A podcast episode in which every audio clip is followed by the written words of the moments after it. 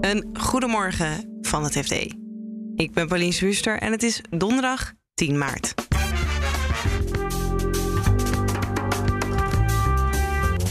Bedrijven hebben moeite met het aantrekken van kapitaal in deze onzekere tijden. Ja, er zijn eigenlijk twee dingen die dat veroorzaken. Nou ja, de ene is niet zo heel grote verrassing, dat is Oekraïne. De chipsector heeft neongas nodig en laat dat nou net geproduceerd worden in Oekraïne. Odessa, Ja. een grote fabriek. Ja. Het is overigens een co-productie met Rusland. En de Europese Commissie heeft een plan om minder afhankelijk te worden van Russisch gas. We can do it, and we can do it fast.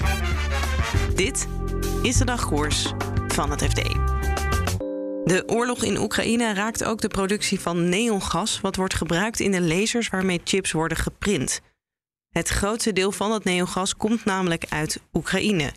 Hoeveel precies, dat is onduidelijk, vertelt onze chip-expert Sandra Olsthoorn. De cijfers lopen heel erg uiteen. Als je gekeken naar analisten wat ze daarover schrijven. En er is ook veel veranderd in die sector, lijkt het, sinds eh, de invasie van Rusland in de Krim al een paar jaar terug. Want die fabrieken wa- waar neongas wordt gemaakt, liggen vlak bij de Krim. Ja? Eh, dus toen brak al een beetje de paniek uit en is er her en der in andere landen geïnvesteerd in eh, de productie van neongas.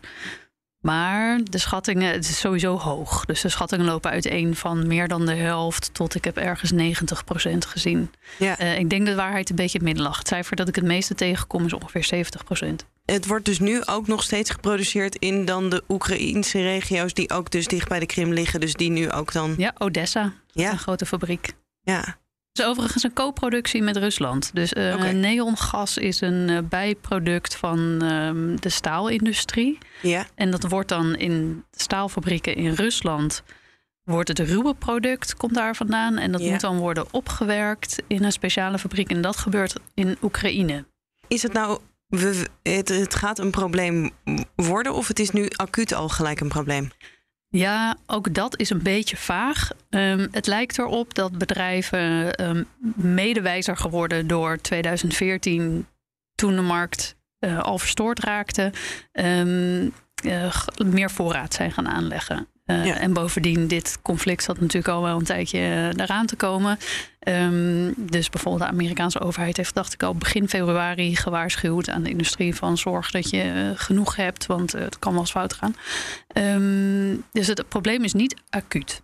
Eh, Nee. En alle chipbedrijven ehm, haasten zich ook allemaal om te zeggen van we hebben, geen, we hebben genoeg, er is geen probleem. Eh, ook ASML bijvoorbeeld, dat een klein beetje van dat spul gebruikt.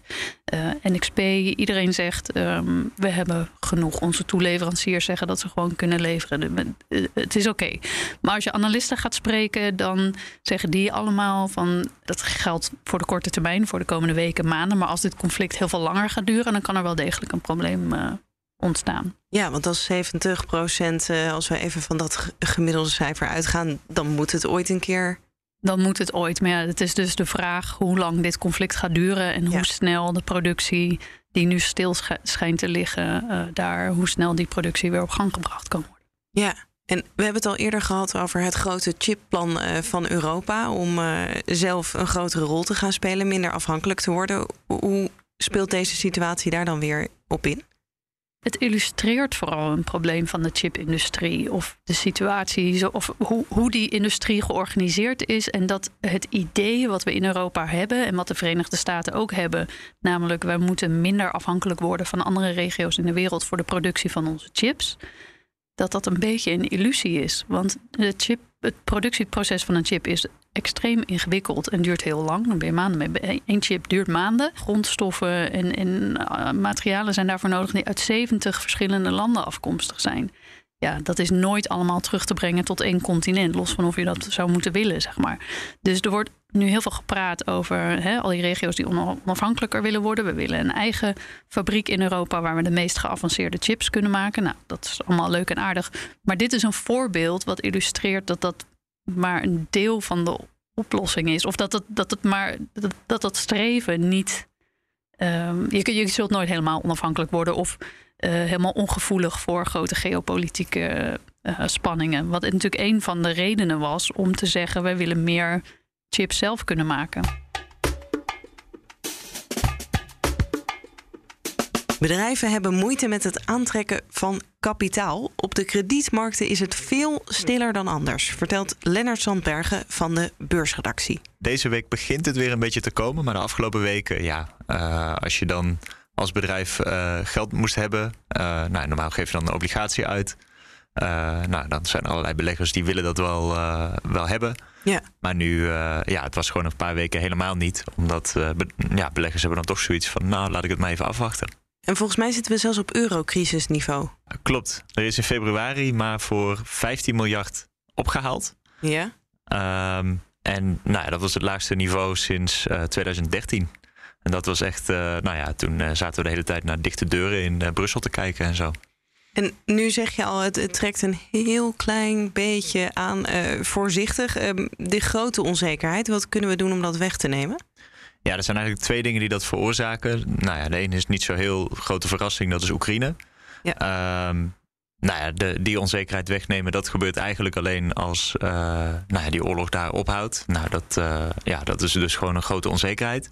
En de andere is de Europese Centrale Bank. Ja, uh, we hebben natuurlijk... vandaag. Ja, die komt vandaag inderdaad. Die hebben een heel ruim monetair beleid. Dat betekent dat ze allerlei obligaties opkopen. Um, en dat doen ze nou ja, om de economie een beetje op gang te houden. Uh, maar ja, dat uh, is in deze tijden van hoge inflatie niet zo'n goed idee meer. Dus iedereen in de markt weet wel van ja, op een gegeven moment gaan ze daarmee stoppen. En de vraag is een beetje, wanneer gaan ze dat doen? En, en dat is eigenlijk al een onzekerheid die al een paar maanden heel erg speelt. Um, en nou ja, nu was die onzekerheid er eigenlijk wel een beetje uit. Omdat iedereen wel een beetje het idee had van nou, de ECB gaat het op deze en deze manier doen. Maar door Oekraïne uh, is dat ook weer onzeker geworden. En nu is het dus, uh, nou ja, in de vergadering van vandaag gaan, gaat daar toch weer iets duidelijk over worden. Is het de markt die dan snel beweegt als dat uh, gebeurt? Ja, enorm snel. Dat zag je eigenlijk ook al nu.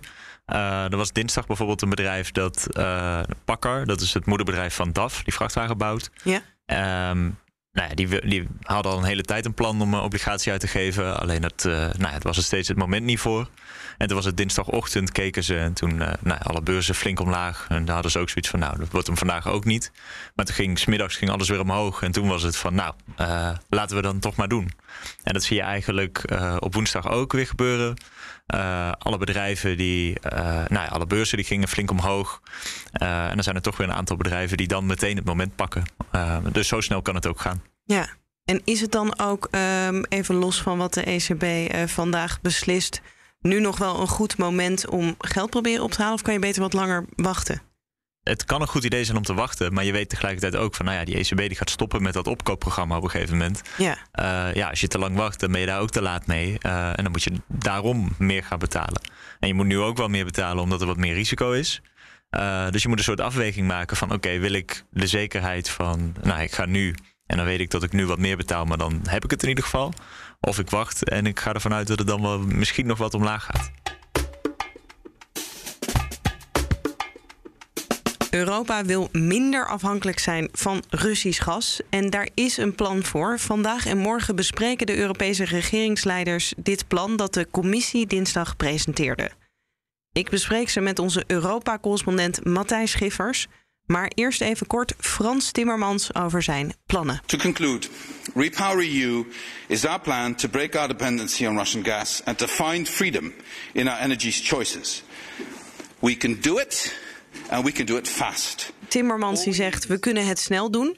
Um, hoe snel ziet hij voor zich in die plannen?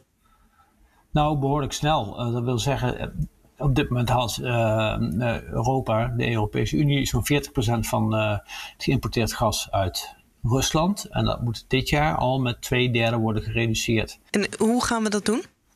Nou, er is, een palet aan, uh, maatregelen afgekondigd. Het, je moet dan denken dat loopt van uh, meer uh, inzet op renewables nog sneller. Maar je moet ook denken aan energiebesparing, huizen en gebouwen isoleren. Um, tegelijkertijd, we, we, hebben toch nog voorlopig wel gas nodig. Dus dat moet uit andere regio's gaan komen. Qatar wordt veel genoemd, um, Noorwegen enzovoort. Hebben we er al enig zicht op of men hierachter staat? Nou, er zal uh, niemand bezwaar maken tegen het idee om zo snel mogelijk van het Russisch gas uh, af te kunnen geraken. Er zijn zelfs, hè, er gaan genoeg stemmen op om te zeggen, we moeten gewoon nu al geen Russisch gas meer, meer kopen. zoals ik al zei, het idee wat, wat de commissie heeft neergelegd, ja, dat, de logica daarachter, die, die klopt natuurlijk. En die zal onderschreven worden door alle lidstaten. Maar ja, het gaat om de uitvoering en de praktische haalbaarheid daarvan. De VS, uh, ook Groot-Brittannië, hebben het over een boycott op uh, olie dan wel gas. Dat konden ze niet met ons, uh, Europa, afspreken. Komt dat alsnog op tafel? Dinsdag lekte dat een beetje uit. Ongeveer voorafgaand aan die presentatie van uh, Eurocommissaris Frans Timmermans en uh, zijn collega Kadri Simpson werd dat uh, bekend. Nou, ze wilden er toen nog niet op reageren, want het was nog niet officieel aangekondigd door die twee.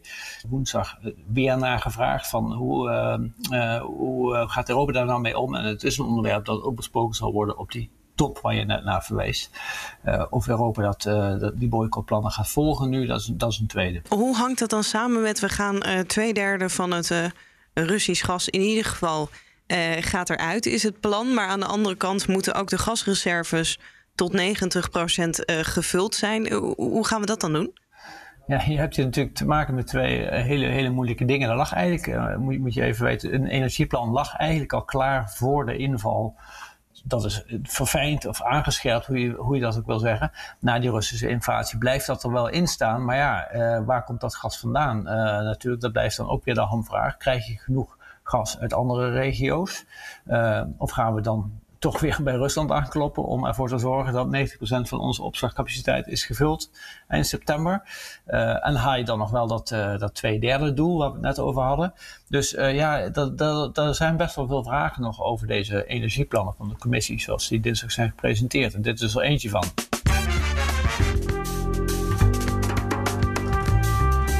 Dit was de dagkoers van het FD. Op fd.nl lees je meer over deze onderwerpen en volg je het financieel-economisch nieuws. Dagkoers volg je in je favoriete podcast-app. Het enige wat je moet doen is ons even opzoeken en op abonneren klikken. Dan staan we morgenochtend automatisch voor je klaar. Een hele fijne dag en tot morgen.